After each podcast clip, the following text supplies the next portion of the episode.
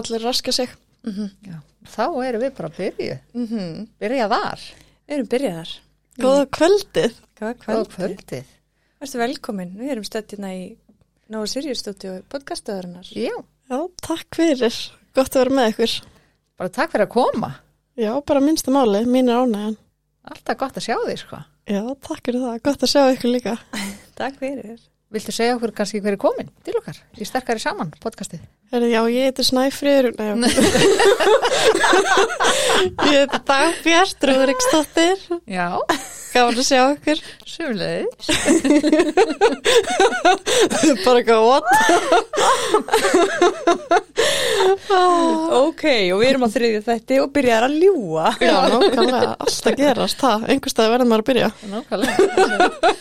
Byrja hans á bara. Motivation for lying. Alltaf gerast. Ah, Þú heitir Dagbjörn, já, það passar. það passar. Já. Og þú ert svona bundle of joy.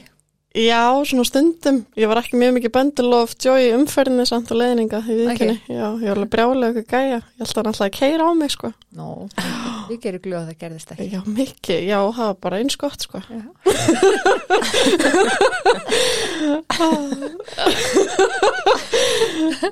Nei, þetta var gaman. Já. En þú getur orðið reyði líka. Já, ég get það, sko. Já. Ég alveg- gljóð að heyra það. Já, ég þarf alveg að passa mig í vinnunni, sko. Ég er búin að vera með og þryggjar á krökkum hverjum einasta virka degi, átta tíma. Bara nokkra mánuði núna, sko. Það reynir á þólumæðina. Já, þetta er mikil þólumæðis æfing. Skulum bara orða það þannig. En er það ekki skemmtilegt líka? Jú, þetta er mjög gaman, þetta er mjög gefandi. Þeir eru líka bestu kennarinn í krakkara, þeir eru alveg, þú veist, þeir sjálfur og þeir eru ekki að pæla neitt segja sem ég finnst, kunna að setja mörg. Mm -hmm. Þannig að við meðvirk, meðvirklarnir getum Já. lett svolítið að þeim, sko. Erstu meðvirk? E, já, illa, sko. Já. En ég hef tól til að hjálpa mig við það, þannig að Þú gerir grein fyrir því líka. ég ger mig grein fyrir því. Fyrsta skref til að leysa hvert vandamál, gott fólk, eins og við vitum heldur flesti er að viðkynna vandamálið. Mm -hmm. og það er það sem ég er búin að vera einblina mjög mikið á að gera undanfærin ár sem er held ég ástæðan fyrir mínu bataferli. Já. Vel gert. Takk fyrir, takk fyrir. Ég var að mynda að leita eftir þessu. í átt Vel að bata. Já, dulist elpa. Já, takk, skan. Nei, að klappa mig líka. Ef ég myndi ná yfir borðið, ég myndi gera það. Það er æði. En akkur ertu komin hingað? Hva, hvernig er sagan þín? heyrðu, ég er, Ef við byrjum svona á byrjuninni. ég er alkoholisti, Mm. um, meðvirk, Mm -hmm. svo er ég líka að díla við ymsa fíknir, Ok, smána með fíkn, ok, matafíkn og strákafíkn. já. Allt að gerast. brjálega að gera.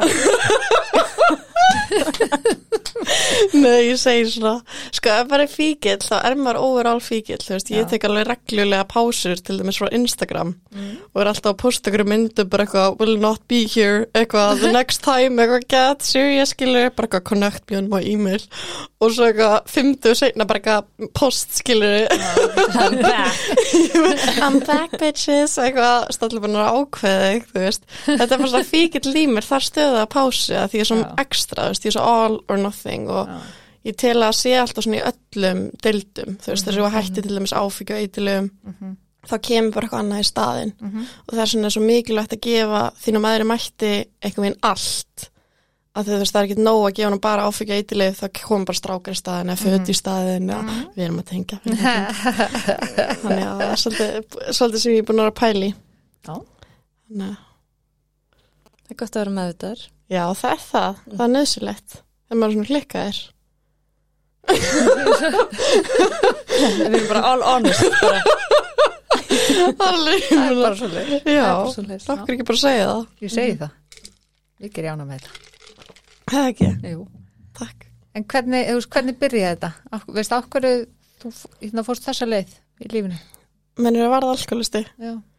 Um, veit það er ekki bara ákvörðun. Það er ekki það eins og, jæja. bara að ég mest eitthvað svo nett sko, hérna, það gæti verið smá genatist, afi minn var alkoholisti og jari, jari, jara en svo er það líka ég tengi að smá alveg mikið reynda við áföll Okay. Mhm. Þú veist, ég myndi segja að það væri svona sambland eins og það er oft sagt að þú veist, ekkert allir alkoholistar, nei ekkert allir þeir sem hafa lent í slæmum áföllum verða alkoholistar en allir alkoholistar, eða langt flestir allavega hafa lent í einhverju slæmu áfalli. Mhm.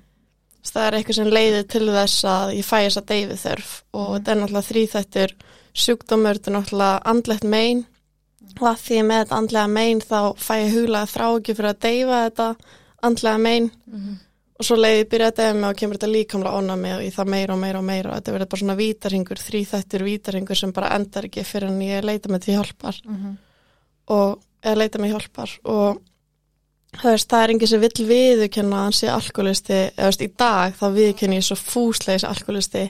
Og ég er svo stolt að ég að vera það af því að ég hef samtök þar sem ég get labba á fund og talað um alvöru hluti Þess, það er ekki neinstar annars staðar sem ég tala við neinn nema kannski nokkur trún og mömmu, þú veist, fimm svona ári eða eitthvað skilju sem verða ja, real og ég næ að tala í aðsamtökunum okay. þú veist, þetta er bara næringin sem ég þarf einhvern veginn, þú veist. Svo allstar það sem ég er í vinnunni, þú veist, fínt fólk og allt það, en þú veist á lang flestu stöðum þar sem ég kem þá einhvern tengi ekki við neitt einhvern líður alltaf eins og gemur, líður alltaf svo svona over emotional, over svona compulsive personality, þú veist, allt er svo mikið eitthvað mittla tilfinningar. Og mér finnst oft bara fólk horfa á mig bara eins og að segja eitthvað að mér og þú veist, og það er einmitt kemur þessi deyfið þegar fatti, að þú veist, líður sérstgett einmanna og ein og það segja eitthvað að þér og svo ferð að fund og allir bara eitthvað já, klikkaðir og þú veist, tala með langa eitthvað tíma þú veist, ég veit ekki drepa sjálf að segja bara eitthvað geðveitt alvarlegt og svo er fólk bara hlæjandi, þú veist, ekki að því að fyndið að vilja það, heldur bara þú veist, við höfum húmor fyrir our own fucked upness, ef það er mikið mm skilji og við erum bara svo mikið að tengja og að því við náum að hlæja í og veist, hlæja alvarlegustu hlutunum þá einhvern verður þetta svona meira svona bærilegt fatti að lifa með þetta og bara svona skemmtilega, okkur líður ekki svo freaks lengur, veist, við finnum fyrir sem vorum allar tíman að leita eftir því vorum út í neslu skilji, en vorum bara alltaf ómeðu til að geta fundið það. Já. út af allir sem vorum að láta voni okkur náttúrulega. Þannig að það er bara magna byrjar unga upplifa að væri svona svona fittikinn eða vera svona öðruvísi. Já, eða þú veist, ég, gemura, eða þú veist. Sko ég hef náttúrulega alltaf verið geimur það er bara svo leis, mm. reyndar eru all, öll geimur við búum öll í geimnum en þú veist, við veitum hvað ég er Let's deep. Já, einmitt. að þú veist, ok, veist, ég hef alltaf verið svona öðru sen, ég var aldrei að pæla í því skilja, því að hafði þetta sjálfs virði, ég er bara eitthvað einn elskaði sjálf mig, maður ekki svona pæli að hvort ég elskaði sjálf mig ekki, það kalla sko að elska sjálf sig. Og veist, ég horf á gömul myndbönd af mér, ég var kannski í einhverjum svona sangkastala með svona sand út um allt, skilur eitthvað að leika með geffrjáls og mamma bara eitthvað Dagvill, hvað er að taka myndaðir? Ég bara, nei, ég er, ég er að leika í sandunum, nei, veist, mér var alveg sama, ég þurfti ekki viðurkenningu, ég þurfti ekki einhver var að taka mynda mér, skilji. Þú veist, ég var í leiklist og söng og dans og sér í lífinu og var alltaf hlæjandi, þú veist, yfir frekstundum, ég er ekki að segja að ég var eitthvað fullkomin, en mér leið alveg vel, veist, ég var ekki með deyfið þar því ég var lítil, þó ég elskaði nammi, skilji, hver gerir það ekki. Mm, og hérna, en svo lendi ég áfalli á mannesku sem að ég vil helst ekki ræða hver að ég er, þú veist, ég vil venda þessa mannesku Allt í lagi. og hérna, og þú veist, og þessi manneska bara brýtur mig algjörlega niður, bara manneska sem ég treysti og hérna trúi og þú veist, segi bara ég sé drusla einhvern tímann þegar þessi manneska reyðist og bara ég bara drusla mér og segi bara mjög ljóta hluti. Og þú veist, alltaf heyrði ég einhvern svona ljóta hluti frá þessari mannesku, alltaf þegar manneska reyðist þá fekk alltaf að heyra eitthvað leðalegt, ég fekk aldrei eitthvað einn neitt gott, skilur og fannst einhvern eins og ég væri ekki séð af eitt af mikilvægast manneskinu í lífum minni. Og það einhvern veginn braut mér svo niður fyrir utan bara því að var hættu með líftóruna svona oft og veist, ég bara tauga kjörun allir ruggli um, og ég bara fór að trúa ég bara veist, mjög hratt að ég væri ekki neitt eitthvað og fór bara gett inn í mig og var inn í mig í skólanum og inn í mér menn ég. Og veist, var bara með hirnatóli eitthvað. Lendi líka einaldi sem á skæði sjálfströstuð mjög mikið. Og svo fór ég hægt og rólega bara að þess leita í félagskap þar sem ég gat fengið það samþykki bara með það eitt að gera það sem þau voru að gera sem var bara þú veist reyka gras og þú veist drekka og þú veist reyka síkurdur þó mér fannst það bara ógislegt en ég gerði það samt til að vera samþykt og svo fór þetta bara að þróast eftir rólega, ég fann bara eitthvað einn að þegar ég var að reyka gras þá var ég ekki lengur kvíðin, ég var ekki lengur stressuð og það var eitthvað einn þú veist, ég fatt ekki eins og hvað ég var að gera, ég held ég hafa bara verið partistelpa í mörg, mörg, mörg, mörg, mörg ár, þú veist, ég var í helganislu frá 16 ára, 16 ára til 25 ára aldur, þú veist, ég loksins hætti, ég var í 9 ára helganislu um, með svona einstöku miðugdum þegar það var karaoke eða eitthvað. Og, hérna, og ég fatt ekki hvað ég var að gera. Þú veist, ég var alltaf að að halda vinnu veist, vinni í einhverju svona cool, skvísu fatabúð einhvers það þar sem ég gæti liðið vel með sjálfa mig. Mhm. Og þú veist, náða að klæða mig upp. Veist, þetta er bara svona minnum á glænían, geggjan, sportbíl glansandi skilju, með endursta KFC-bröðum og bara ógæsleiri lykt og klistri inn í honum, Já. en allir sá hvað bíl var flottur, þannig að innaldi skipti einhver máli sko. Mm. bara svona byllandi afnýttin var bara er svona mjög góð líking sko. Mér var bara svona að vinna fyrir næstu helgi og tilega pening fyrir djamminu og svo kláraðist peningurinn á svona helgi tvö því ég djammaði það mikið. Og bara eitthvað, mamma, ertu til að lána mér hana uh, í bónus með vanta mat, veist, var bara fann að ljúga mömmu, bara til að ég geti átt fyrir mango tango og bíl fram og tilbaka og svo fram við skiljiði bara alveg galinn.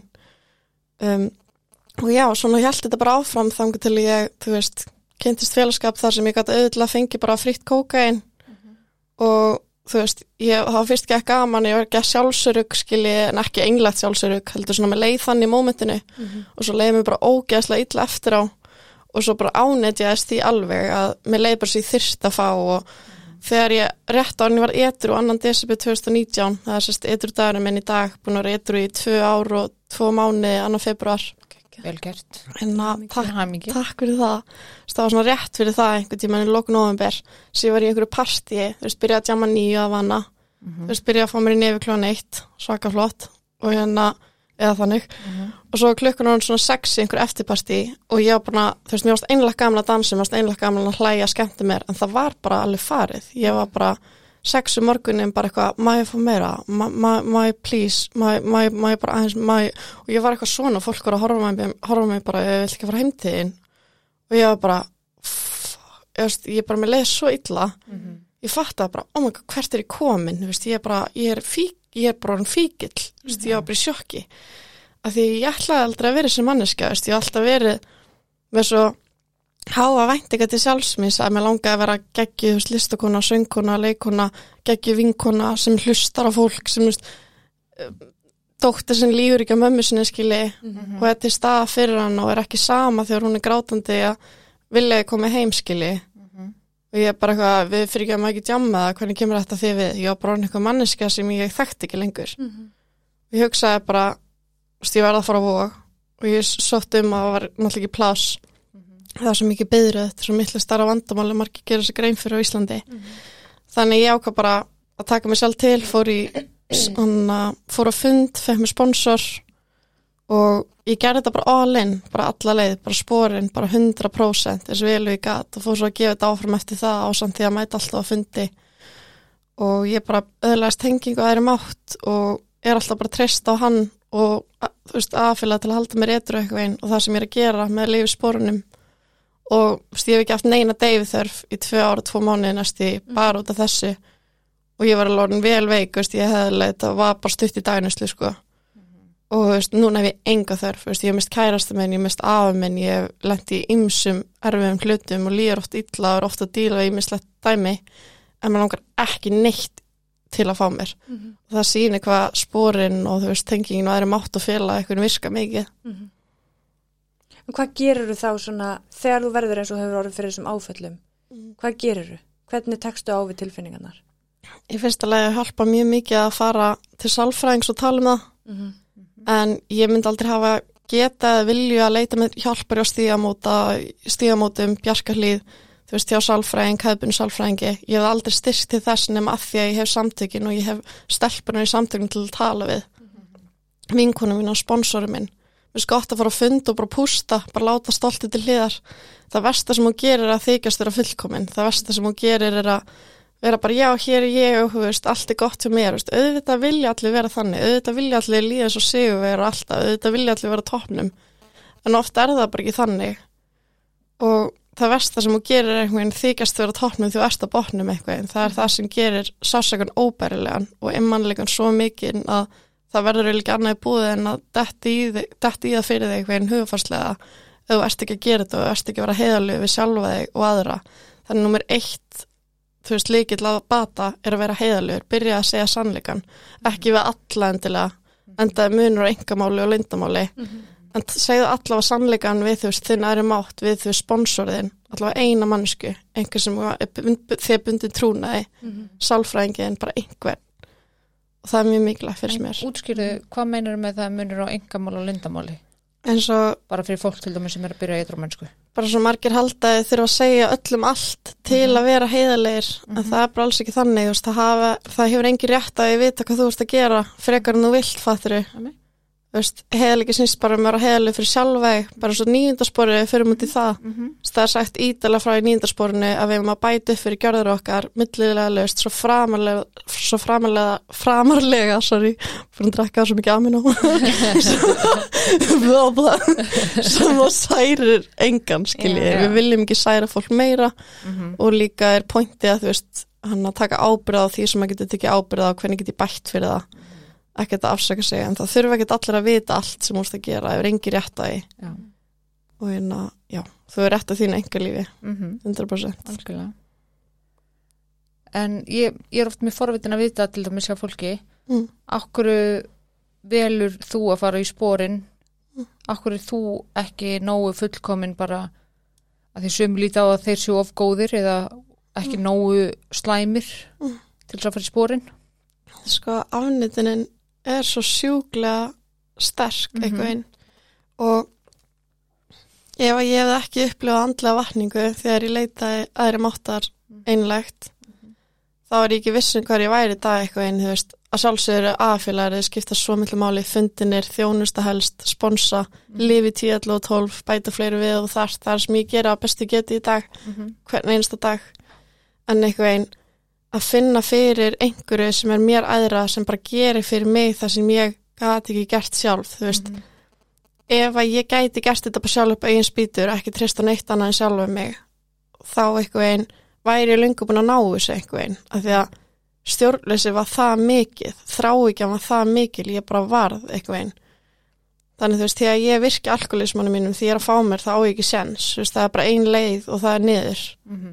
Og þú veist, ég get ekki haldið mig frá sér niðurleið því ég er ein á næri máttar án þess að treysta hann eitthvað einn eða hann eða það skilur bara Já. hvað sem þú velið er Já. og vegna er svo mikilvægt að gera þetta í spórnum líka þú veist, tíu er náttúrulega að vera í stöður í sjálfsválsókn og viðkynna að þú ferð út á spórinu Mhm. Þú veist, vera helst með tíundaspórsfylla og að spyrja hvern annan, þú veist, hvernig var dagurinn varstu grum í dag, varstu óheðaleg Mhm. varstu sérplægin, þú veist, hvað eru geta gert betur, mm -hmm. varstu sjálfskoðum annari mannesku, það er mjög mikill leikil finnst mér 11 að styrka vitið samband þitt við þinn aðri mátt eins og þú skilgreinan á hverjum degi með hugleysla bæn Mhm. og nummer 12 að gefa þetta áfram það er náttúrulega bara verið þjónustafund til dæmis eða mætafund að segja þína reynslu peppa fólk í spórin um, mæti podcastið og segja frá spórin var líka fínt. Og bara hvað sem við dættir í hug veist, ég syngi í kirkjunni en þú veist þarf enginn að vera kristintrúar til að vera eitthvað sko að bara Mhm. whatever floats your boat. Nákvæmlega. Og þú veist, og bara allt svona og hjálpa öðrum sérstaklega, af því að rót hann að alkoholisma það sem að lætur okkur lífa vest það er þessi skapgjörðabrestir, það er eigingirni og sjálfselska það er Já. rót okkar vanda aðalega, af hverju okkur líður svona illa og erum að drepast úr sjálfum okkur Já. og þess vegna er svo mikilvægt að hjálpa öðrum til að komast úr sjálfur og fá, fá þetta motivation og þessu ábyrð að halda áfram fatti, Mhm. hann nú er ástæði til að halda áfram nú, hann nú hafi tilgang í lífinu það heldur mér allavega mest frá degið þörunni sko. Mhm. og ég þarf mikið að halda líka því oft er ég of, allt og mikið í sjálfur mér sko. en ég þarf alveg meðvita að byggja Guðum vilja til að hjálpa öðrum og þá kemur það ef ég byggja einlegt og verður bara að byggja einlegt og það sem minnst líka að hjálpa er að, að þakka þið fyrirfram það sem þú vilt að komi til þín. Ef þú byggður í skorti þá ertu eitthvað að laga svolítið skort mm því ég trúi svo mikið á law of attraction. Ég er svolítið síkri ok. típa sko. Okay. Oh, I hear you girl. ég er bara excited í tala um þetta sko. Og svo segjum að mér líði illa segjum ég sér óta segjum að bara sér margt sem er veist, að eitthvað hjá mér veist, andlega eitthvað þá segir ég bara elsku góðu guð, takk fyrir sjálfsörgið sem er hér akkurat núna. Takk fyrir alla fegurinn í lífið mínu. Takk fyrir heilbrið, takk fyrir hraustleikan. Takk fyrir fjölskyldunum mína. Takk fyrir vini mína. Þú veist, takk fyrir þakka fyrirfram þar sem að þú vilt draga að þér, jáfnvel þó að sé ekki til staðar. Þetta er svona pínu mindplay þú veist, Já. og ert svona svolítið að, já, í rauninni draga til þín það sem þú vilt fá með þökkum og, og einlagni í rauninni. Og mér finnst þetta, mér, ég noti þetta mjög mikið veist, og ekki það að ég noti þetta ekkit endilega bara til þess að fá eitthvað skilur heldur. Mér finnst bara ótrúlega gott að nota þetta þess að þakklætis möndru alltaf. Þú veist, af því að ef við erum ekki þakklátt þá erum við komin held ég bara á ekki góðan stað veist, í emitt að vera uppfylla sjálfum okkur og þú veist, svona óþægilegum tilkynningum og þung, þungum tilfinningum sko. Definitely. Það er líka einn bók sem ég er að lesa núna sem heitir hana, Conversation with God. Og þetta er alveg mjög einstök bók og hérna sem bara fjallar um gæja sem basically að tala við Guð bara ekki henni penna sinn. Og ég er bara yeah right skilur svo les ég bókina og þetta er bara eitthvað einn ég fæ bara svo tilfinningu. Þetta ég bara fyllist einhverju svona heilu vanda yfir einhver Guði bara að lesa þetta. Og þú veist það er svo margt útskist sem er svo flott og þá er emmitt talað um bænina að ástæðan okkur í bænina ykkar komi gera þegar þeir eru alltaf að byggja í skorti bara please gerðu það og eru alltaf að trúa að komi. Og þú veist, svo segir líka oft þegar ég vakna bara ó ég er svo glöð og þakklátt að vera svona uppfyllt kærleika, ég er svo glöð og þakklátt fyrir að hafa samkend og vilja til að hjálpa öðrum í dag og einmitt svona plata mig bara endalist og þakklátt er það sterkast það sem þú getur gert bara til að vera hamingisum og til að þú veist hann að það er svona best mest á, á móti þunglindi og kvíð og allt þetta þakklæti. Rosalega mikilvægt. Agreed. Það er ekki, Samþygt. Þetta er samþygt. Ég ætla að prófa það. ég mæli með Ekki bara eitthvað, hei, hérna, ég var til að vinna Eurojackpot. Nákvæmlega Já, bara ok, ég er svo þakklætt fyrir Eurojackpotin sem ég er að vinna Sem ég er Vá, að fara að vinna. það er svo geggjaðir Vá Getur þetta Já, ég geti reynda, sko. Aldrei að vita Ég meina einhver þarf að vinna Ég segi það. Nákvæmlega En þú sagðir áðan, ef ég hef ekki fundið, fengið andlega vakningu, Mm. hvernig upplýður það? Hvernig vissuru, eða þú veist, Sko mín persónulega reynsla mm, á vinnandlega vatningu og þetta er bara mín reynsla mm um, er að sponsora minn sem sagt dró mig um, á samkomi. Mm. og ég var eitthvað að hlusta á eitthvað fólk syngja og alla gæða væmna með hendunur uppi bara eitthvað veist, og ég bara, ég gati þetta ekki ég bara, mér langa að æla þetta var svo óþægilegt. Mhm. og ég held að vera því ég var alltaf cool fyrir lífið en svo var það bara þannig að ég var alltaf þykka gríma á mér sem var bara búin að vera á andlitinu minn svo lengi að ég þekkti ekki annað. Mhm. og svo byrjaði þessi gríma bara alltaf að bráðuna bara því, því meira sem ég var inn í þessu væpi, þessi innlegni þessi bara svona uh, uppgjöf á svo fallan háttfætti Mhm. því meira var ég bara bráðuna og mér ástu ekki óþægilegt og mér fannst það bara unanslegt eitthvað einn og ég gæti ekki eftir að gráta og mér langaði að fara því að ég var embarrassed að þau voru eitthvað að sjá mig gráta. Og sponsorinn minn ætlaði bara ekki að leiða mér og hún bara nei, þú ætlar að láta byggja fyrir þér. Ég bara, nei, hver, bara, ah shit. Og ég var eitthvað, ok, ok, whatever. Og fór eitthvað og, spurði þið eitthvað mann sem ég gett vanur að byggja fyrir fólki eitthvað og tala á tungum, ég veit ekki hvað, hvað. Ég var bara eitthvað hærar að byggja fyrir mér? Og það bara, já, ég finn hvað þarft. Ég eitthvað, ok, og hann eitthvað hjælt um að mér og var bara eitthvað heila fæðir, viltu bara, þú veist, frelsa þessa stelpu? Ég finn hvað henni líður illa ég finn hvað henni líður tómri innan viltu bara fylla hann á þér, bara fyllt hann á þér og byrja alltaf bara að tala á tungum. Og ég var bara í sjokk, ég var bara hvað er að gerast? Og bara var ekki að meika þetta sko. Svo allt í henni fylltist ég bara einhver svona fyrring í magan, ég var bara í sjokki, bara með leið eins og ég væri á einhverju, ég var sko 100% eitthvað samt, ég sver. Og ég að það sann fyrir einhver og, ég, það, og svo allt í henni fannst mér eitthvað koma, ég held að maðurinn var að koma við magan á mér, ég bara, what, af hvernig koma við magan á mér, svo horfði ég á magan á mér. Og hann var ekki að koma við magan á mér. Það var enginn að koma við magan á mér og ég var bara í sjokki ég bara, og þetta var svo ótrúlega overwhelming snerting skilur að bara svona hreitni fegurð og ást og kærleika og frið get ekki útskýrt bara hæstu tíðninar fatti. Bara í einu snertingu sem var ekki að snerta mig. Ég veit að hljómar sér sér crazy. Ekki, ég ber fullir vinningu fyrir öllu sjúkdómum bæði en já, ég tala svolítið spes, ok. Og svo fór ég bara í jörðina og bara að því ég var svo ótrúlega overwhelmed að ég fór í yfirlið í fyrsta sinn á æfuminni, bara ég hef aldrei farið í yfirlið áður og ég lá hana bara í jörðinni og það var bara eitthvað sem kom til mín. Ég get aldrei sanna fyrir ykkur hvað það var hvort það var í raun og veru Jésu eða heilarandi, minnst það satt líklegt eitthvað heilarandi. En það var eitthvað sem kom til mín. Eitthvað eðra mér, saman hvað það var. Mhm. það bara kom og bara virkast innan með mér og var bara með mér og ég fór bara að tala við það svona í huganum, bara var fyrir geði, trúði ekki á þig, bara og kom bara svona allt í góðu, elska mín, þetta er bara svona Orskan sagði þetta, var ekki eitthvað kall var svo þetta að segja það, en Orskan einhver sagði það, það er besta útskýringin. Og ég vildi bara vera með honum eða þessu eða hvað sem þetta var. Ég vildi bara vera ein með þessu með leipur sem er himnaríki og maður langaði ekki að koma tilbaka maður langaði ekki að standa upp. Mm. og þetta voru líklega svona þrjá myndir samtals en þetta leiði eins og svona 13 myndir á bara ecstasy skiljiði svo stóði ég upp og ég bara horfaði alla og áður en að maðurinn bað fyrir mér mm -hmm. Þá var ég ekki að svona bera mig saman alla og allt bara já þessi betur en ég eitthvað. Veist, ég er nú beðans betur þessi þá nú ekki að vera hrættið þennan og mm. veist, alltaf verið svo, ég var svo ógislega separate frá öllu öðru kringum mig og svo stóði ég upp og það var svo fyrðulegt ég var bara ein með öllu. Ég var bara, eins og því ég var að horfa á þig þá leiði mig bara sem ég var að horfa á mig. Bara, ó, þetta er ég, bara vá. Og bara vá, ég elska hana því að hún er ég. Mm. veist, hún er hluta mér, við erum öll bara ein held og ég var bara algjörlega uppljómið ég bara fór að tala á allir þess að ég elska það og að því ég gerði það. Og bara var fulla frið og bara, sem ég leið svo vel, ég var ekki hrættun lengur því ég var bara að tala um sjálf mig basically. Og ég veit ekki, bara eftir þetta þá breytist eitthvað innan með mér, ég var bara önnur, veist, oft er ég mjög breysk, bara blóta umferðinni, gera einhver mistöku í lífinu, líður oft ítla, ég er ofta eitthvað skrítin, segja hluti sem ég sé eftir, mm -hmm. en munur á mig núna og hvernig ég var, er ég ber strax ábyrða, ég er aldrei lengur í dag en nokkur klukkutíma oftast til að segja fyrir gæði nefnum ég bara fatta ekki og þá ger ég um leiði fatta skilji mm -hmm. og mannleg já og ég bara næja að taka ábyrð og ég næja að hafa þessa samkend og bara gera betur í lífinu út af þessari vakningu mm. og á fundum og í sponsi og bara neymitt þetta bara breytti lífinu en þetta hefði aldrei komið að því ég leitaði til Guðs eða aðri máttar einlegt, þetta hefði aldrei komið að því ég gaf hann um sjans mm -hmm.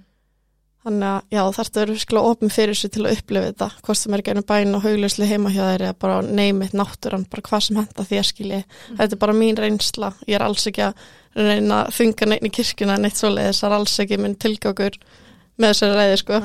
Þetta var alltaf hvernig þetta gerast fyrir mig, já. þannig að mælu með. og þetta er, þú veist, mér finnst magna að heyra að segja þetta sko. Mm. Þú veist, þó svo ég sé ekki endilega fyrir kirkju. Nei að þá finnst mér ekkit að því að þú gerir það sko. Já, alltaf að syngja voru að kíkja Já. á mig getur hann að lokka Ég er alltaf til að koma á því sko. Er það ekki? Jú, Yay. veist þú geggjur sko Thank you Veist þetta bara frábær hérna, hérna frábær hvernig þú kemur þessu frá þér Veist þetta mm -hmm. einhvern veginn Þú ætti bara að vera svona motivational speaker sko Nei, án gríns, mér finnst þetta ótrúlegt að hlusta á þig oh. Því þú ert greinilega líka búin að pæla mikið í þessu og þú ert búin að tilenga þér þetta algjörlega frá hjartanu veist, mm. þannig og það skila sér líka. Ég veit ekki hvort að hlustendur heima ég vona það, þetta skilir sér alveg í gegn veist, en allavega hérna ég er bara Já. ég er bara um tári í augunum sko. þannig að mér bara veist, ég hugsa bara, ég vildi að fólk myndi sjá hana. Þú veist, það er mjög útgeislinn tökum við vídeo af henni í smá stund. Ég til já, alltaf til svo leið svo gaman. Þetta er það sko. mm. Já, þetta er svona minn draumur, minn helsti draumur er að vera, ég elska að syngja, semja lög og texta og ljóð og finnst líka gaman að leika, ég er búin að vera svolítið leiklist líka, mm -hmm. uh, en klálega eftir því motivational speaker. Mm -hmm. Kanski verður það bara nummer eitt, af því að mér langar svo mikið að þjóna Guði að þú veist, bara gera eitthvað, fatti, mm -hmm. að það hafi gerið til, tilgáðslist að ég hafi verið hérna, mér langar að gera eitthvað fyrir fólki gennum tónlistunum mín og orðið mitt eitthvað árinni fer. Og brosið mitt eða hvað sem ég get gefið fólki mér finnst það svo gæðið mikilvægt að það er svo mikið af fólki að þjást þetta. Mm -hmm. þess bara vinnu minn, ég bara náðu að tala við hann á þorlagsmessu og veist, hann ætlaði bara alveg að fara hinn með einn yfirskili hann, hann bara vildi þetta ekki lengur og hann leiði svo illa og leiði svo enginn sæ, sæjan. Mm -hmm. og þú veist það er svo mikið sem við getum gert og það er svo miklu fleiri sem að er að þjásta við gerum okkur grein fyrir. Og við í samfélaginu minnst við mörg okkar og ég var klálega eina en trust me sko. Við erum orðinsaldi svona aftengt finnst mér er að vera svo mikið einblinn á þú veist pólitík, vandamálin þú veist skort þú veist að vera á móti hvert öðru ég er fyrir þennan, ég er á móti þessum mm -hmm. staðar að fatta bara við erum öll bara fólk skilji að reyna að gera okkar besta með okkar aðstæður og sögur skilji og mm -hmm. ég er algjör svona anti-cancel culture manneska, ég hef aldrei skilið það mm -hmm. en maður langar svo mikið að við gefum hverju öðrum meiri sens og hjálpa hverju öðrum að læra staðin fyrir að þú veist, að rýfa skvært annað niður. Ég sammála. Sammála. og þeim veit aldrei hvað er í gangi á fólki maður veit aldrei, sérstaklega þeir sem virka mest með þetta, þeir eru oft minnst með þetta. Þeir eru oft bara mest brotnið skilji. En maður er alltaf að vera í kærleika eins mikið og maður getur. Og ég er ekki að prýtja sem að ég er bara alltaf að præktisa ég er líka að prýtja við mig þú veist, þetta er eitthvað sem ég þarf mikið að læra og muna sjálf. Þannig að þetta er svona Við erum bara svo geggja líka hvað þú viðkennir að þú sért ekki fullkomin. ég er að enga einn sko Nei, og það er það bara enginn. nei. Nei, en það, er samt, það skilar sér líka alveg þegar þú ert að segja þetta, það skilar það sér ekki þannig eins og þú sérst að tala um þetta, þú veist, ég er hér smætt, þú veist, og, og ég ætla að segja ykkur. En, því en- verið að hætta að vera svona Já, nei, það skilar sér ekki svona. Alls Þetta ekki okkur. Alls ekki. En eins og í gegnum söguna þína, þú veist, nú bara flest allir sem fari í gegnum neyslu í sínu lífi, þá er nú ímis áföll og svona, hvernig hefur gengið að vinna í gegnum þau og er einhver svona áföll og svona í gegnum þína sögu? Um, það var til dæmis mjög mikið áfall þegar hérna strákurinn sem ég var virkilega ástökin af lest um, 7. apríl 2020 um, að því að líka þú veist, ég sleit sambandinu mánuði fyrir það þegar hann var svo mikil í neyslu. Og svo fór hann eitthvað eins og óvænt og ég náði ekkert að kveðja hann. Það var mjög erfitt fyrir mig. En ég eitthvað einn svo ótrúlegt hvað aðsamtökinu er mögnuð sko að ég hef átt alveg vinkunur til margra ára sem að heyrði ekki tímur sko þegar þetta gerðist. Um, en svo að sponsorum minn í AA sem þekkti mikið neitt fyrir þetta var sponsorum minn og veist, ég átti ekkert inn í honu whatsoever sko. Og hérna hún bara, þú veist, hrýndi mig veist, og bara fór mig hagkup upp á snarl og hún bara knúsaði með alla nóttina menn ég greiti fangin hennar fatti yfir að hann væri farin og. Já, bara samtökin, þetta er svo magna skilji. Og svo bara skrifa fullt af ljóðum ég skrifa fullt af ljóðum, ég er búin að skrifa fullt af lögum um hann, textum sem ég bæði búin að gefa út og eftir að gefa út. Og veist, ég vinn oft í sorginni gennum listina og bara að tala um það tala um fólk, tala um sálfræðingi minn tala, tala bara um það. Ekki halda inn, það er það versta sem þú gerir. Það er svo mikið byrði. Akkurat. algjörlega bara áfell yfir höfuð fatti það sem veldur mesta eitrun innan með er einhvern sásökunum er ófyrirgefningin. Að þau verum ekki að fyrirgefa. Ég veit svo mörgum árum ég verð ekki að fyrirgefa og þú veist ekki miskilega fullt sér eftir að fyrirgefa. En það er eitt sem ég áttum á og það er einmitt ekki snákabiti sem að drepur þig. Það er eitthvað einn eitir sem að vellist þú veist sem fer úr snáknu sem vellist um allan líkamæðin þangur að og eitri fyrir mér er eitthvað gramjan og ófyrirgefningin og, sná, og snákabiti er það sem manneskan gerði þér. Þannig að það er mikið sem ég er búin að vinna í bara vákom langar að hreinsast, mér langar að frelsast mér langar að, þú veist ég veit það ekki. Og svo er þetta svo mikið ströggula því þetta er svo erfitt sérstaklega að manneskan er ekki tilbúin að taka ábyrð eða átt að segja á hvað hún gerði. En þess vegna er mikilvægast átt að segja að þetta snýst ekkit um það, þetta snýst um að þú getur verið frjáls, að þú getur finnið fyrir frið í hjartanu, að eitri hætti að vellast um í líkamannu þínum.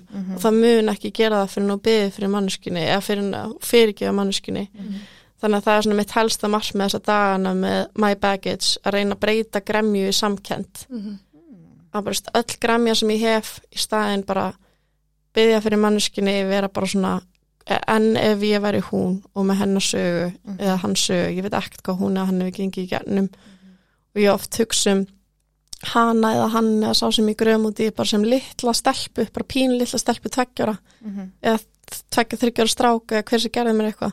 Bara gráta diskili og bara svona reyni að stöksa falli og byggja innlagt fyrir honum með henni fatti og senda þeim ljós. Og þá einhvern lífið mig betur, ég frelsast og þú veist, eitrið hættir að vellast og ég fyrir að hreinsast. Já. Þannig að við viljum öll hreinsast, við viljum öll vera frjáls, við viljum öll geta elska og gefa okkur en við getum það ekki, við erum með fullt af eitri innan með okkur sem við erum ekkert búin að vera að vinna úr. Þannig að það er svo mikilvægt að því að þú getur ekkert elska á öðrum stöðum og með eitur á hinnum staðnum, þá bara blæðir inn á staðin sem ég langar ekki að gera neitt um að elska það, því að þú getur ekki annað því þú ert, svo, þú ert svo fulla eitri að það bara fer óvart út. Og það er svona svo mikilvægt að vinna í sér bara fyrir fólki sem þú elskar og vilt koma að vera fram við að því annars með það byggna á þeim 100% ef þú ert uppfylla græmju og reyði Og maður þarf líka alveg að vera svolítið sterkur til að geta gert þetta. mm tók þér langan tíma að komast á þennan stað? You need Jesus. Nei, tjók Þú þarft æðri vátt Ég er alltaf að vinsa mikið að passa mig að finna Það var svo fyndi, ég er alltaf bara eitthvað Jésu, nei, hérna, ég minn, nei, nei.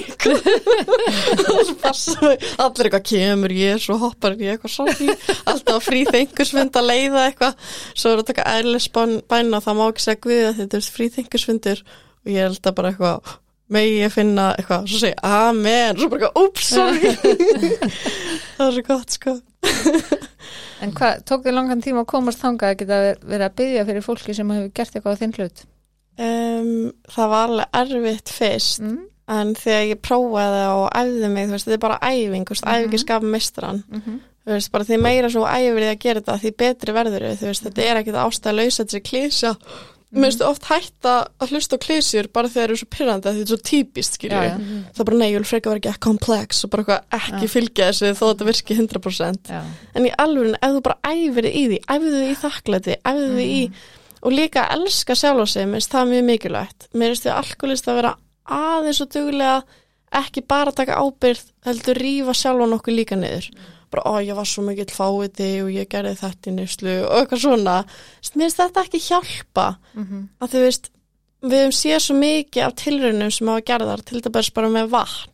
Þú veist, doktori Moto, hann gerði tilraunur á vatni.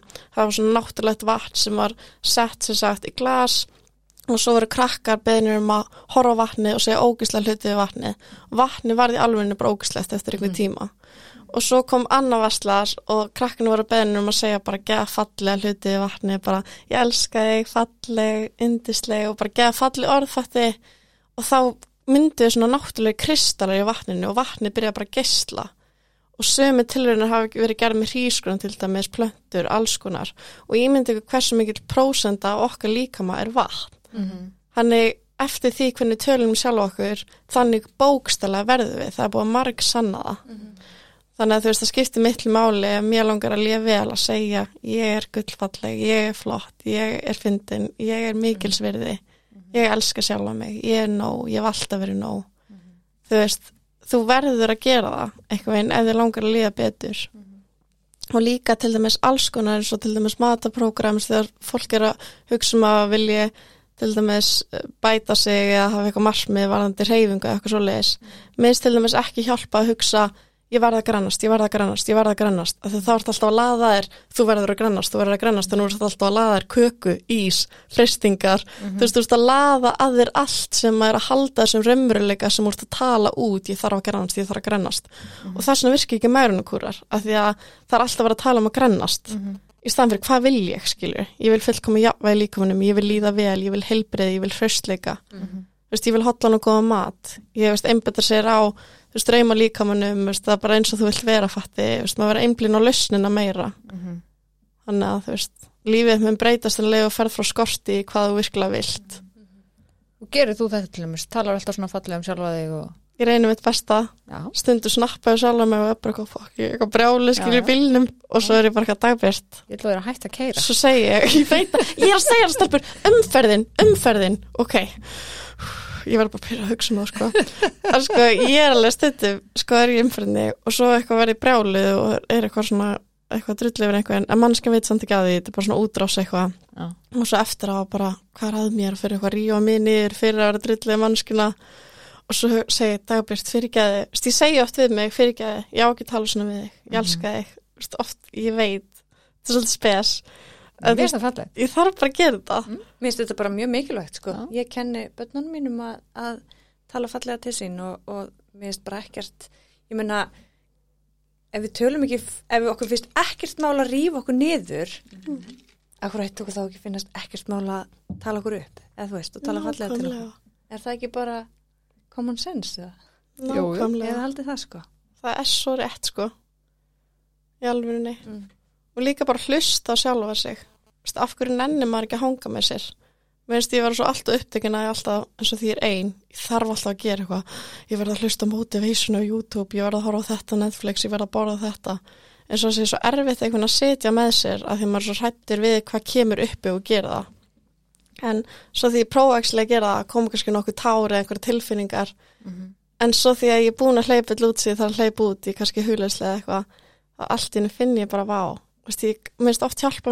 í kannski hulislega eitthvað að allt í henni finn ég bara vá veist, ég minnst oft hjálpa mér að, hana, við að elska sjálfa mig að koma svona í hjarta mitt og finna hjarta mitt slær og finna að ég er lifandi manneska þetta er núvitund svolítið. Já, bara algjör núvitund. Það er eitthvað hjálpa mér að þú veist fara mér í auðmyttina og, og að því ég finna ég er lifandi manneska með sláandi hjarta skilur og fæ þá svona smá ást til mín þá vil ég koma eins fram við aðra fatti. Mhm.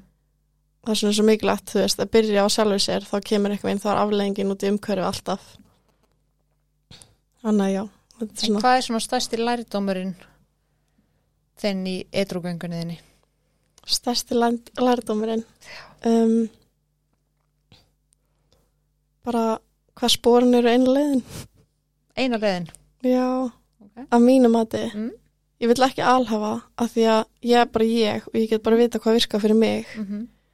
en maður verður að geta verið auðmjúkur, maður verður að geta verið heiðalur maður verður að geta verið tilbúin til að læra þó að það sé sárt að kyngjast undir stolt, stoltinu og horfa á hvernig búin að vera eitthvað einn í fórstiðinu og við, við þurfum samininguna, við þurfum hvert annað. Maður þarf að hugsa við en ekki alltaf ég.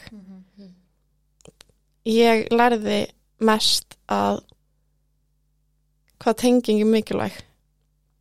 Það er það sem ég lært mest á þessum tveimur árum og tveim mánu næst því sem ég verið eitthvað það er hvað tenging er mikilvæg, hvað er mikilvægt að tala á aðra og sjá aðra sjálfur ekki bara tala um þig heldur reyna að hlusta á aðra, hvað er mikilvægt að hlusta á aðra. Við viljum alltaf að sé bara hlusta á okkur. Mhm. en samt eigum við að sværa þetta að gera með það sjálf og veist, ég tengi vel við það. Ég vil svo mikið að sé hlusta á mig og finnst óþægilegt að maður bara að grípa fram ykkur öðru að reyna að koma eitthvað framfæri og svo bara til hvers var þetta samtalt og allir ekki neitt um að kvíða á stryttu við setjum uppi með upplýsingar sem að ég veit ekki hvað ég gera við. Einmitt, nákvæmlega að veist að læra að hlusta og tengjast. Bæði náttúrulega aðri mætti en líka bara fólkin í kringu eða eitthvað einn og hvað það að hreinsa jarðveginn gerir lífið markvælt betra. Einmitt kingja stoltinu og bara taka ábyrð á þess að rífa það niður. Veist að því að Guð getur ekkert, eða aðri máttur getur ekkert komist innskilur og veist ekki búin að hreinsa jarðveginn, fattur að þú veist jú, hann eða hún eða það er alltaf með þér, það er ekki annað hægt. En þú, það er svo erfitt fyrir þig að finna fyrir aðri mætti. Ef að þú ert í skýknum, ef þú ert í óheðleika ef þú ert ekki að taka ábyrð um, það er bara alltaf erfitt eitthvað einn að því að þú veist, aðri mættir aðri mættur er hæsta tíðin fyrir mér. Það er aðri máttur basically, ef ég ætla ekki að setja neitt, nafn á það. Það er bara heiðalegi, sannleikur kærleikur, skilurðslis ást fyrirgefning, samkend saminning, þakklæti, hæstu tíðinir ever sem tilur í heiminum er aðri máttur fyrir mér. Og hvernig getur verið tengd þessari tíðni eða tengdur og fengið virkilega hjálp frá þessari tíðni ef að þú ert lengst niðri Já. í vanþakklæti, gremju, ófyrirgefningu, reyði veist, allt þetta skilja óheðleika það það er ekki hægt, hann er alltaf með þér að þú nærði ekki að finna fyrir honum og þá nær hann ekki hjálpa þér eða hún það þannig að það er mest mikilvægt að bara vera, segja sannleikan og já, það er svo margt sem ég hef lært ég er bara ekki að tala en ringi Það er bara, svo er þetta nefna eitt já, nefnilega sem er bara aðeinslegt En hvað, er, hvað finnst þú að vera lært af því þessu tímabili sem varst í neyslu? Vá, maður, Alltaf fylgt að lærdómi því líka. mennur svona hvað á ekki að gera Það er bara lærdómi að til dæmis hvað á ekki að gera. Maður getur lært hellinga því. í fyrsta lagi þá er ég mest þakklátt fyrir allan skítin um, út á tónlistinu minni. Ég er með epiplötu á leiðinni sem ég ætla að skýra tínd á leiðinni heim. Já. þetta er fyrsta plata mín. nafn. Já, maður, og þetta er sérst fimm lög sem er allt frá því að veist, komast úr erfiðu sambandi í eitthvað að finna sjálfa sig og finna fyrir virðisinu og hvetja fólk til að finna fyrir því sama. Mhm. þannig er basically svona tínd á leiðinni heim. Byrjar algjörlega tínd í fyrsta legi svo endar það bara að ég er komin heim í lagi nummer fimm Ok. og þetta segir sem ekki mín að sögu og þetta, þessi plata hefði aldrei orðið til ef ég hefði ekki upplegað sem ég hef upplegað Mm þannig að þannig sé ég ekki að þakklátt fyrir sásöka minn en skrítið að segja það bara sem listamæður og líka sem að geta hjálpa öðrum ef ég verið bara einhver perfect girl sem ég aldrei upplega neitt það er bara, eitthvað, já, nei, ég skil ekki, ég er bara haft þetta gott, skilju Mhm. þá get ég aldrei verið til staða fyrir neitt af því ég veit ekki hvernig það er. Einu ástæðan okkur ég get verið til staðar því ég veit hvað er sást að missa kærsta sinn, ég veit hvað er sást að missa afa sinn, ég veit hvað er sást að vera búin að verða fyrir hörðu kynfyrirsópildi oft, ég veit hvað er sást að hafa verið lög einhaldi, ég veit hvað er sást að líða svo sérst ekki neitt og svo framvegis. Veist, mjög dramatíst en, það er bara svo leis En svona Já. er bara lífið, þú veist, áföllun sem við verðum fyrir, þú veist. Það er best að leita til einhvers sem maður getur verið til staða fyrir mann, hefur þekkingu á því sem maður er gangi gegnum. og það að lendi í svona áföllum þau móta mann bara. Já. ég gæti ekki verið að segja ykkur frá öllu sem ég er að segja nema að því ég lendi í þessi ég lendi í. Og þetta hefur ekki verið fullkomið. Þannig ég er bara ekki að þakklátt fyrir allt en í leiðinu vill ég ekki fara afturangað og Nei, fokka upp lífin en þú meir skilji. Bara nýta þessa reynslu og halda orða sem ég lög frá þessari reynslu og svo hann að semja fallirilega líka svona sem að sem að bjarstari tímar þú veist, reynsla frá bjarstari tímum framönda minn að nýtast mér í. Mhm. sem finnst það líka mikilvægt, ekki bara tala um það erfiða, hafa þetta jafnvegi nákvæmlega. Og hefur náða að vinna úr til dæmis eins og þessum áföllum nú, nú nefndur alveg svona stóra áföll. Mm. hefur náða að vinna úr þessum svona stóra áföllum? Já, það kemur alltaf svona meir og meir. Mhm. eins og veist, ég var að horfa á eina bíómyndin daginn og það var svo erfitt að horfa á þessa mynd sko, en mér leiði eins og ég þyrft að horfa hana. Hún sérst heitir Pleasure. Okay. og er um sænska stelpu sem fyrir Hollywood sem sagt að gera klám. Okay. og svo fattar hann eitthvað hvernig þetta raun og verið er hann á úti Mm og þetta var svo ógislega raunverulegt og það var svo ógislega hrátt að Mhm. ég að ég bara eðilega klám fyrir mér ég bara, ég get aldrei hægt að kláfa aftur eftir þetta Okay. og ég er ekki að ég hafa hort eitthvað sjúkt dæmi skilur ekki þess að dæma það fólk en þú veist fattur ég bara Mhm. að þetta yfir höfuð er örugglega allt öðru sem maður heldur að þetta sé Mhm. sem maður heldur sé ekki að bara sexy og saglust en þetta er ekkit endilega alltaf þannig sko Alls ekki. og, hérna, og í leiðinni bara atrið í myndinni tryggur það svo mikið fram áföllin mín en í leiðinni fannst mér ég þurfa að fi- að finna fyrir því sem ég þurfti að finna fyrirfatti til að komast í gefnum með það Mm. en þetta mun vera continuous help veist, það er bara næsti tíma stíamótum hjá mér er bara eftir þrjá daga sirka held ég. Mhm. og þetta er bara áfram gangandi vinna þá til ég næ eitthvað að skila skömmunni sem er erfitt einmitt ef manneski vill ekki taka ábyrð þú veist, gaurin er öll ennþá bara, hún er bara göðuðik, hún er bara ljúa og já. þú veist, auðvitað það pyrrandi, auðvitað er erfitt að fyrirgeða það en þess vegna þegar ég continuously að minna mig á, gaur, þetta er fyrir þig þetta er ekki fyrir hann, sko Já, ég held að það sé mikilvægast í svona ferli. Alveg svo við vorum að tala um að byggja fyrir fólki sem hefur gert okkur eitthvað til þess að ná að fyrirgefa. Við erum ekki að byggja fyrir neinum endilega fyrir fyrir hann hann eða hana. Heldur við erum að byggja fyrir, fyrir okkur. Þú veist, okkur líður betur með, þú veist, auðvitað setjum við út í kosmosið með óskaringum íls og veist, maður byggður fyrir einhverjum að því að maður hefur þess samkend en maður er samt í rauninni, sko, nummer eitt er að maður er að byggja fyrir fólki sem hefur gert mann eitthvað til þess að mann er sjálfur líðum betur og geti auðvelda manni að fyrirkjáða þú veist, þannig að maður þarf að sjá það líka svoleiðis. Nei, ég vil ekki fara að byggja fyrir honum. Þetta er hvað að ruggluðu það, byttu mig kinn fyrir sópildi einmitt. Þú veist, nei, en byttu fyrir honum fyrir þig þá, skilur það er líka Það er eitt sko- sem ég hugsa mjög mikið um. Þegar þú ert ekki að fyrirgeða einhverjum það er eins og þú sitt í fangaklefa og mannskinn er að halda á liklunum fyrir utan klefan, glottandi. Mhm. þangur til að þú nærað fyrirgeða og þá loksist kemstu út. Mhm. og því verra sem manneskinn hefur raun og verið gert þér því verra er eiginlega að fyrirgefa ekki eins fókt upp á hljómar þó að ætti að vera akkurat öfugt af sér gjörbraði ég er rátýpa og er að, að því að þú veist þá ert þú bara í fanguklefa að hann að horfa ykkur mannsku halda á litlu glottandi að horfa þig einhver mannsku sem að átti minnst skilja að setja hennan klefa en það er bara staðrindin að því að þú ert ekki að fyrirgefa og eitir líkur á þér. Að því að honum er alveg sama. Þú veist, örglega. Þú veist, viðkomandi heldur bara áfram að lifa sín lífi, skilur, og þú sýtur eftir með sársökan Já, í klefanum. Þannig til að fyrirgefur. Fyrirgefur fyrir þig. Þú veist, lífið er svo stött. Þú veist, viltu enda lífið og vera bara, þú veist, ekki sé að dæma. Ég veit þetta er sjúklega erfitt. Ég er ennþá að díla við þetta, fatti. En samt er þetta alveg worth thinking about, þú veist, vill maður enda lífið og vita bara, vá, allir tími sem hefði geta að fara að elska fólkið mitt og bara hlæja og hugsa hvað allt er gott og bara njóta og ferðast og svo framvegis, þú veist, láta okkur dreyma rætast, það fór ég að veist, hugsa um manneskina sem var minnst að pælja, sem veitti minnst ánægi, sem allir tóm, tími fór í einmitt bara að því þú gast ekki fyrirgefið. Það er svona verður að gera það, gerða það fyrir sjálfa þig, gerða það fyrir fólkið þitt, af því annars mun ófyrirgefningin blæða á það eins mikið að þið langar ekki til þess. Það er bara svoleiðist. Það er svona alltaf að tala svo mikið um þetta, hvað fyrirgefningin er mikilvæg. Hún er það bara svo mikið og sérstaklega að fyrirgefa sjálfur þér. Veist, það er sem ég mest að díla við, þess vegna er ég oft vondið sjálf mig að því að það er svo mikil skömm, það er svo mikið sem ég er ekki að fyrirgefa mig fyrir. Það er svona kem ég illa fram með sjálf mig, það er svona vel ég mig til dæmis einhvern kannski strák sem langar raun og vera ekkert að vera með oft. Og, veist, og er bara að taka rángar ákvörðum fyrir sjálf með það því ég elska sjálf mikið nógu mikið. Það er eitthvað partur af mér undir meðnir minni sem er ennþá að refsa sjálfur mér og fara illa með sjálf með að því ég er ekki að fyrirgefa mér. Það er að fara illa með þá sem þið ekki væntum mér sem er að horfa upp á það þannig að þú verður líka fyrirgefa sjálfur að gefa þér séans hugsa ég gerði mitt besta, ég gerði eins velu ég gat með við hugarastandið og það sem ég vissi á þessum tíma og hvernig mér leið og hvað ég var að díla við. Mm. þú verður að sína það samkend af því annars getur ekki gert betur fyrir sjálfa þig fyrir nú gera það eitthvað einn, þú verður að fyrirgefa þér til að geta farið virkilega áfram. Af því að annars myndu alltaf gera eitthvað til að eiðilegja það svo fyrir þér. Leiðu þú ert að fara áfram fyrir alltaf tilbaka þangað til að fyrirgefa þér. Já, við rættum þetta með í síðasta podcasti að þetta ætti að vera efst á lista í nýjinspórnu Mhm. fyrir ekki á sjálfum sér. sjálfum sér. Að byrja sjálfa sér afsökunar Já. og geta fyrirgefa sjálfum sér. Mhm. 100% Nei, það er svo leiðis bara.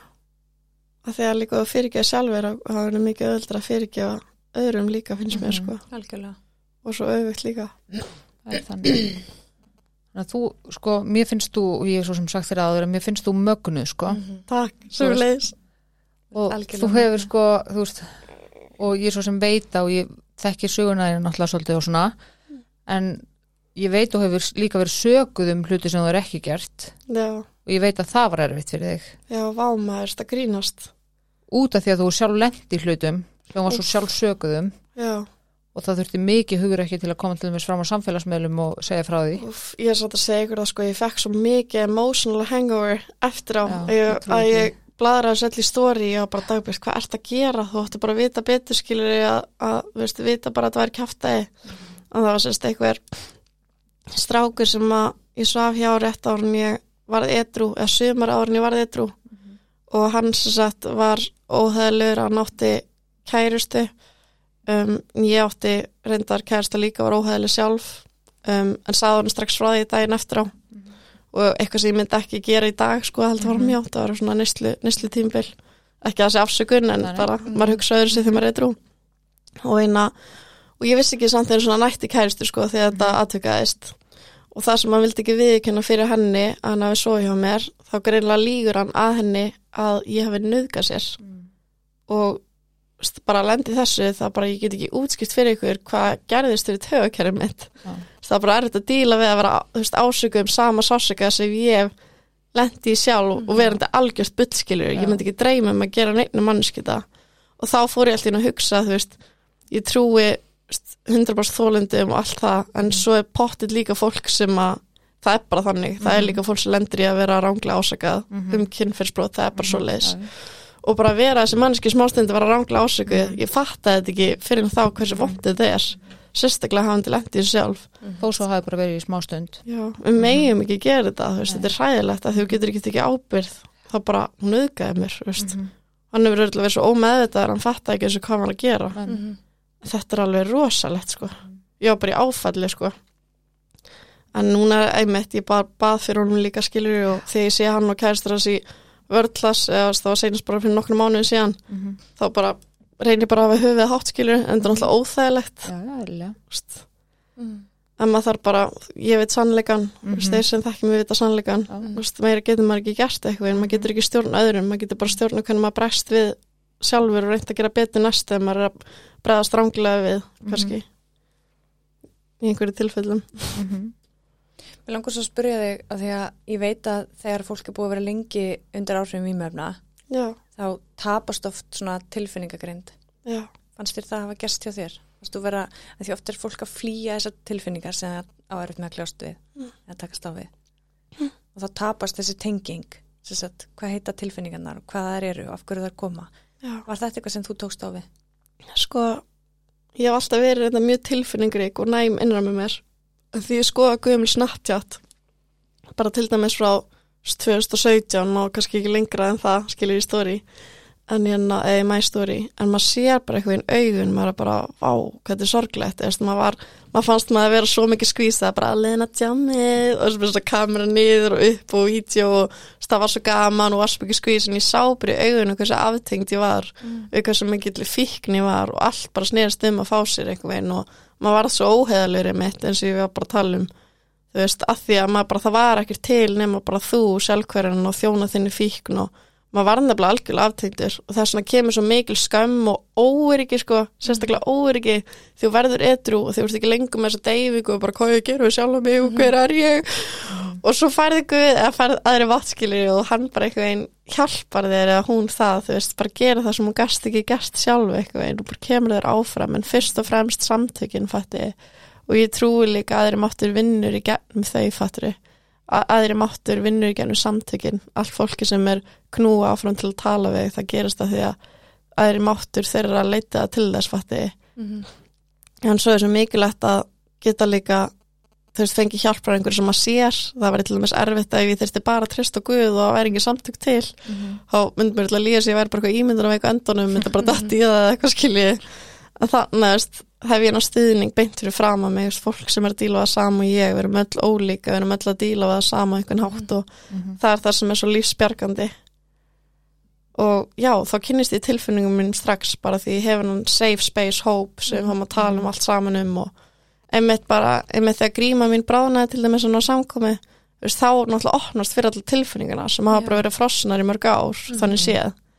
Þannig að þú veist, þetta gerist allt bara eitt í einu og mitt besta ráti þín, bara kæri nýli er bara að vera þólumóð, vera þólumóður þetta kemur allt, þetta er ógæslega sárt fyrst en þú gerir þetta bara með heilum hug og einlægum hug og gerir þetta all-innars bara mæta og funda á dag helst ef ekki fleiri, sér alla fundi á a.is færði sponsor, þú veist, færði spórin, gerði þetta einlægt. Og þetta virkar í sverða. Ef þú gerir, þetta alla leið þá virkar þetta. Og bara já.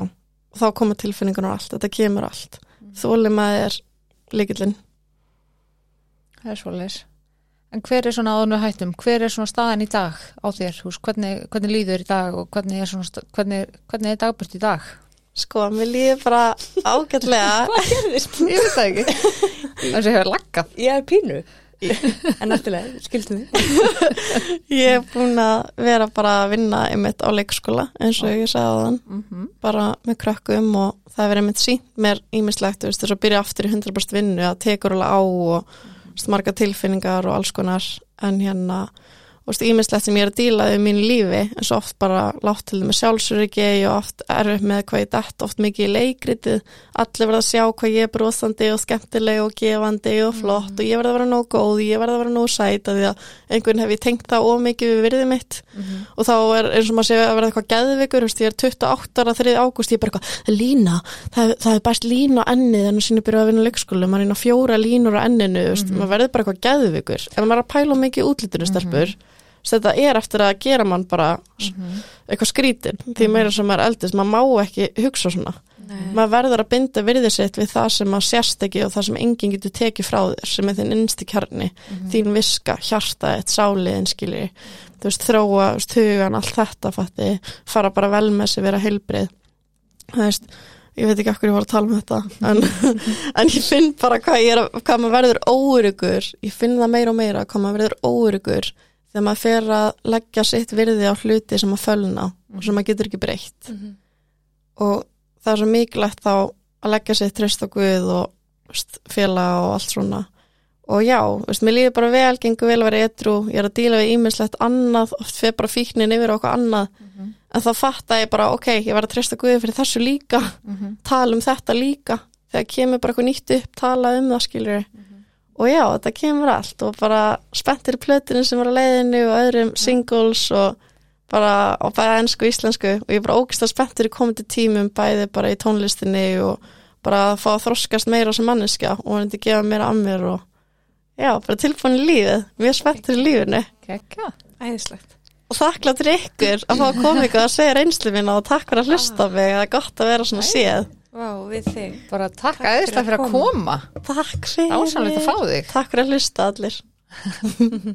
Þá bara þökkum við fyrir í dag. Já, takk takk fyrir mig. Takk fyrir mig